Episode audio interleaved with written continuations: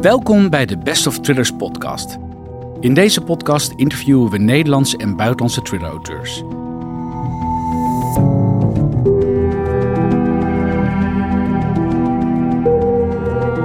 In deze vijftiende aflevering spreken we met MJ Ardich. Hij is internationaal doorgebroken met zijn thrillers met inspecteur Helen Grace. In augustus verscheen van zijn hand Oog om Oog.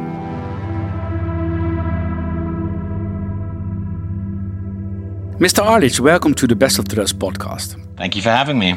In Oog om Oog, we follow the story of some very infamous criminals who have been given a new identity, name, and life after their release. However, their new identity is unsafe since someone leaks their new whereabouts. They are now the new victims since they are hunted by the hirers and friends of their victims. Mr. Arlidge, all characters in the story are so round and so human that the reader fully understands the feelings of hate and revenge of the people who lost a loved one. Did it feel different for you as an author to write about them than about killers with other, perhaps more indifferent and selfish motives? Yeah, this is a very different book uh, to the Helen Grace books. Still written in the same short, um, pacey style, so people will recognize the style, but the content is very different um, because these this book and this idea was inspired by real crimes. Um, there are lots of famous uh, crimes in the UK that probably Dutch readers will know of, um, where the crimes committed were so awful, so famous, so barbaric that people had to change their, their names in order to be safe following their release from prison. Um, and in digging down into all these cases, you, you discovered such rich emotion, such uh, anger, such pain. Um, that it was something I really wanted to, to, to take care over and to craft with real care and attention and detail. And I hope that the, the, the end result is, is, is rich and satisfying. It sure is. Uh, but did it feel different to write from the perspective of the, let's say, early the the the, the killers, uh, in fact, who are now also victim? Yeah, I mean it's interesting because I think whenever I write a book, I try and climb inside the head of each character and try and make their actions and their behavior uh, understandable, mm -hmm, even if we mm -hmm. don't mm-hmm. like even if we don't like that what they do. And so for these guys, you know, there's there's a multiple of uh, multiple killers um, and criminals in this book, all of whom have done some pretty ghastly things. Um, you know, and it's interesting that that to chart their journey from people who probably were victims themselves of violence uh, and abuse when they were young, to then going on to commit a terrible crime, to then being released back into society and finding themselves as victims again, and sort of the victim of a witch hunt. Um, and it was sort of interesting to look at the way that the, there was the sort of power shifted during that period. There was a period when they were the ones committing crimes, they were the abusers, but now they have to sort of face a kind of summary uh, vigilante justice for the crimes that they've committed. Right. We know you, of course, as a serial killer uh, uh, writer, uh, a writer about serial killers. Uh, did that aspect of a series also uh, play a role in your in your choice to now make a book about several killers? Yeah, yeah. Well, I always try and keep things fresh and interesting for myself, and hopefully for the readers too. And I think you know, with this one the, the, the, Helen Grace books are sort of more purely entertaining, I guess, in a way. They're very uh, heightened, slightly gothic sometimes, lots of action, um, you know, slightly sort of cinematic in a way. This was a very different thing because I think it's interesting when you're looking, rather than just hunting one serial killer, here you've got a lot of different crimes, a lot of different killers, a lot of different circumstances, um, and it, it, it was it allowed me, I think, to sort of paint on a bigger canvas, I guess, uh, and to go deeper into things, um, and really just to sort of delve into the dark heart of so many, you know, different types of criminals. And I think it's it's probably the most complicated and most um, deeply researched book I've done, and I think probably the better for it. That's what you. That's what you experience. As, uh, for me as a reader, it's even faster than a, a, a Helen Grace because you've got these all these characters uh, who have committed a crime who are now hunted. So it's very tense, very tense. In Oog Oog, someone is leaking secret information about the criminals who have been given a new identity. This is a very special situation. However, the gossip press in the UK has a long tradition of searching and sharing such information about people. What is your opinion on this?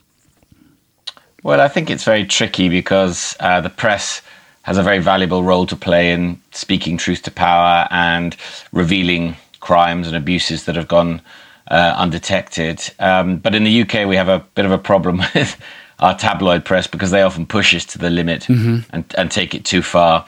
Um, and in fact, a, a, real case was the uh, one of the inspiration for this book.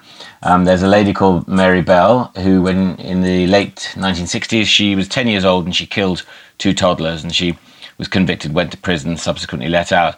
Now she rehabilitated herself, got a good job, had a child, so forth. Um, but when she was in her 50s, the son worked out where she was and who she was and threatened to reveal her identity. Now, of course, she had a teenage daughter at the time who knew nothing of her past. And so her mother had to sit down with her and say, Look, my real name isn't this. My real name is actually Mary Bell. And when I was 10, I killed two toddlers. Um, and that exchange struck me as so interesting, so yes. fraught, so difficult that, that I felt it was the inspiration, you know, really for, for the start of this book because, you know, the, the, child would obviously feel concern and pity for her mother, but also horror perhaps of what her mother was capable of doing. Um, and so that that for me was was the start of this journey, thinking about how you would play that conversation, what would be the aftermath, could that relationship ever recover, um, and, and really that idea of just two, you know, a mother and a child sitting around the kitchen table talking through these dark deeds seemed to me so emotionally interesting that that that, that was really how, how the book began. Yeah, and that's that's also that something that comes back for, for me as a reader. It, it really lies a special layer in the story. You've got the old victims, you've got the killers, but also the people who have to get used to the fact that their mother or father or is someone else. Um, it, I think if I think of it, it's it must be crazy to be involved yeah. in that. Yeah. No, indeed, and I think what's interesting about this is that uh, and what lies at the heart of the idea is that for these people who've committed terrible crimes, in order to stay safe, to survive, to perhaps even have some kind of future, they need to live a lie. You know, they need to live, uh, uh, have a false identity, live in a strange place where they don't know anyone, they're cut off from friends, family. It's yeah. incredibly isolating. It's incredibly tough. It's incredibly challenging. And I think a lot of people find it too much. In the end, they have to tell somebody yeah. who they really are. And yeah. of course, that's how uh, how you put yourself in danger. And I, I, just think it's it's if as a reader you imagine being cut off from your family or friends, and suddenly the opposite part of Holland or the opposite part of the UK where you know nobody, it would be incredibly tough. I think it's horror from a different kind. yeah, it's emotional horror, but that's yeah. you know that's that's interesting, and I think I think for us, you know, it's tied into lots of other stuff about you know you can change your name, you can change your location, but can you change your personality if if you have that sort of dark violence within you, and then forever. Uh, yeah, will it surface again if you're pushed into a corner? You know, if you feel mm-hmm. threatened, will that darkness rise again? And so that's that's one of the key questions, really, at the heart of the book is: Can anyone ever really change? Yeah, yeah. Probably it, it, it it's possible to feel it as a relief to be finally unmasked or something. I can yeah, imagine exactly. after all those years. yeah, exactly. Yeah. I mean, I imagine it's the same for professional spies and various other things. Yeah. I think the the idea of just constantly living, uh, ha- having a false identity, having an alter ego, and never being able to use the name that your mother called you oh, or your man. father called you. You know, it's it's it's pretty tough stuff emotionally. But then, you know, that is the price you pay for for some pretty barbaric crimes. And I think right. that's, right. I guess that's what I'm trying to do in the book is always kind of question the reader's sympathy and say, well, do you feel sorry for this person? Because you know they did mm-hmm. something dreadful, mm-hmm. but now they're in a very difficult situation. You know, how do you feel about them? And I think yeah. that's w- when readers read this book, they're always asking them, hmm, what do I feel about this? This yes. is complex, you know? Yes. And that's yes. part of the fun. Also, politics plays a role in this story. The narrative in which modern Western societies are more friendly for perpetrators of a crime than for their victims is very popular, especially on the right wing side of the political spectrum. In Oog om Oog, we meet Secretary of State Guy Chambers, who represents this vision. Is it an important topic in the UK?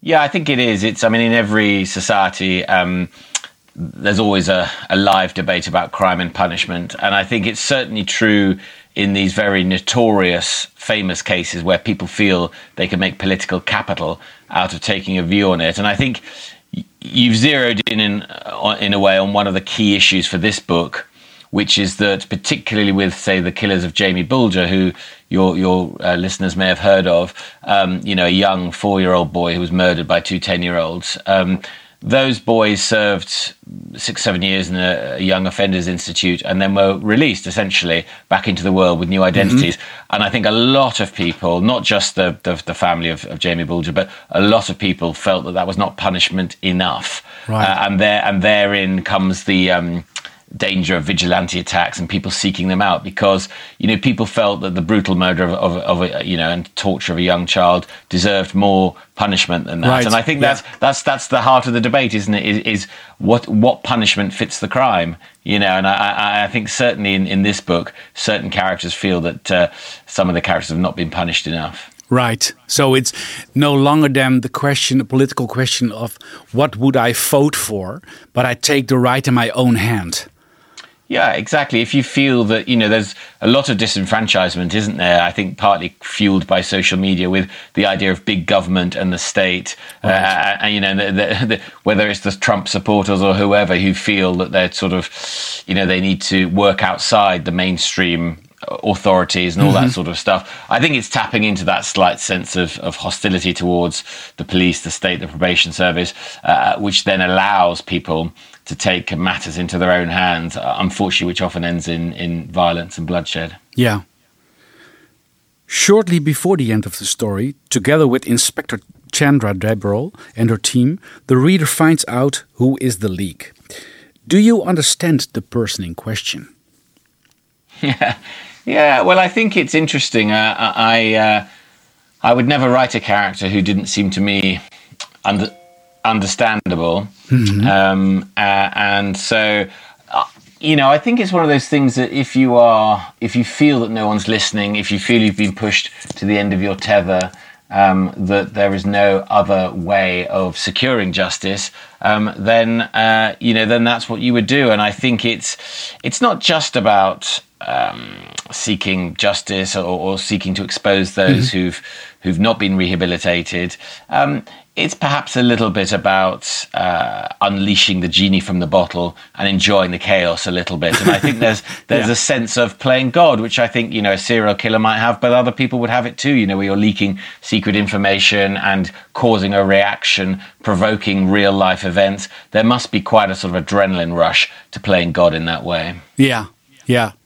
Loose from the um, the right or wrong, having yeah, the power. Exactly.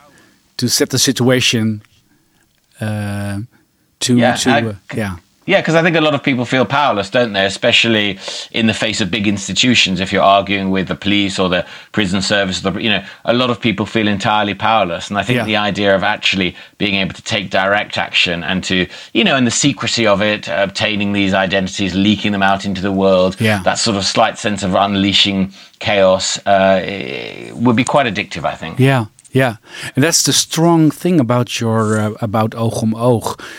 Uh, you feel for all characters, so you understand the feelings of the um, people with the new identity, but you also feel uh, for the victims, and you also feel for the people who are feeling powerless and then uh, do what they think is necessary to get justice be done. Yeah, I think so. I mean, I did a lot of research for this book, and uh, so I researched a little bit about the, the situations that, that, these newly released perpetrators find themselves in. But I did a lot of research about the um, the, the, the family of their victims as well. Mm-hmm, and mm-hmm. I, I, read in the Jamie Bulger one was very interesting because I read his, his mother had a book and his father had a book, and um, in the mother's book, it was all about celebrating James and remembering him, and she barely mentions the killers. Mm-hmm. Whereas in the father's book, the killers are everywhere. They dominate the book, they dominate his narrative because of his anger, his rage. And it's very interesting that his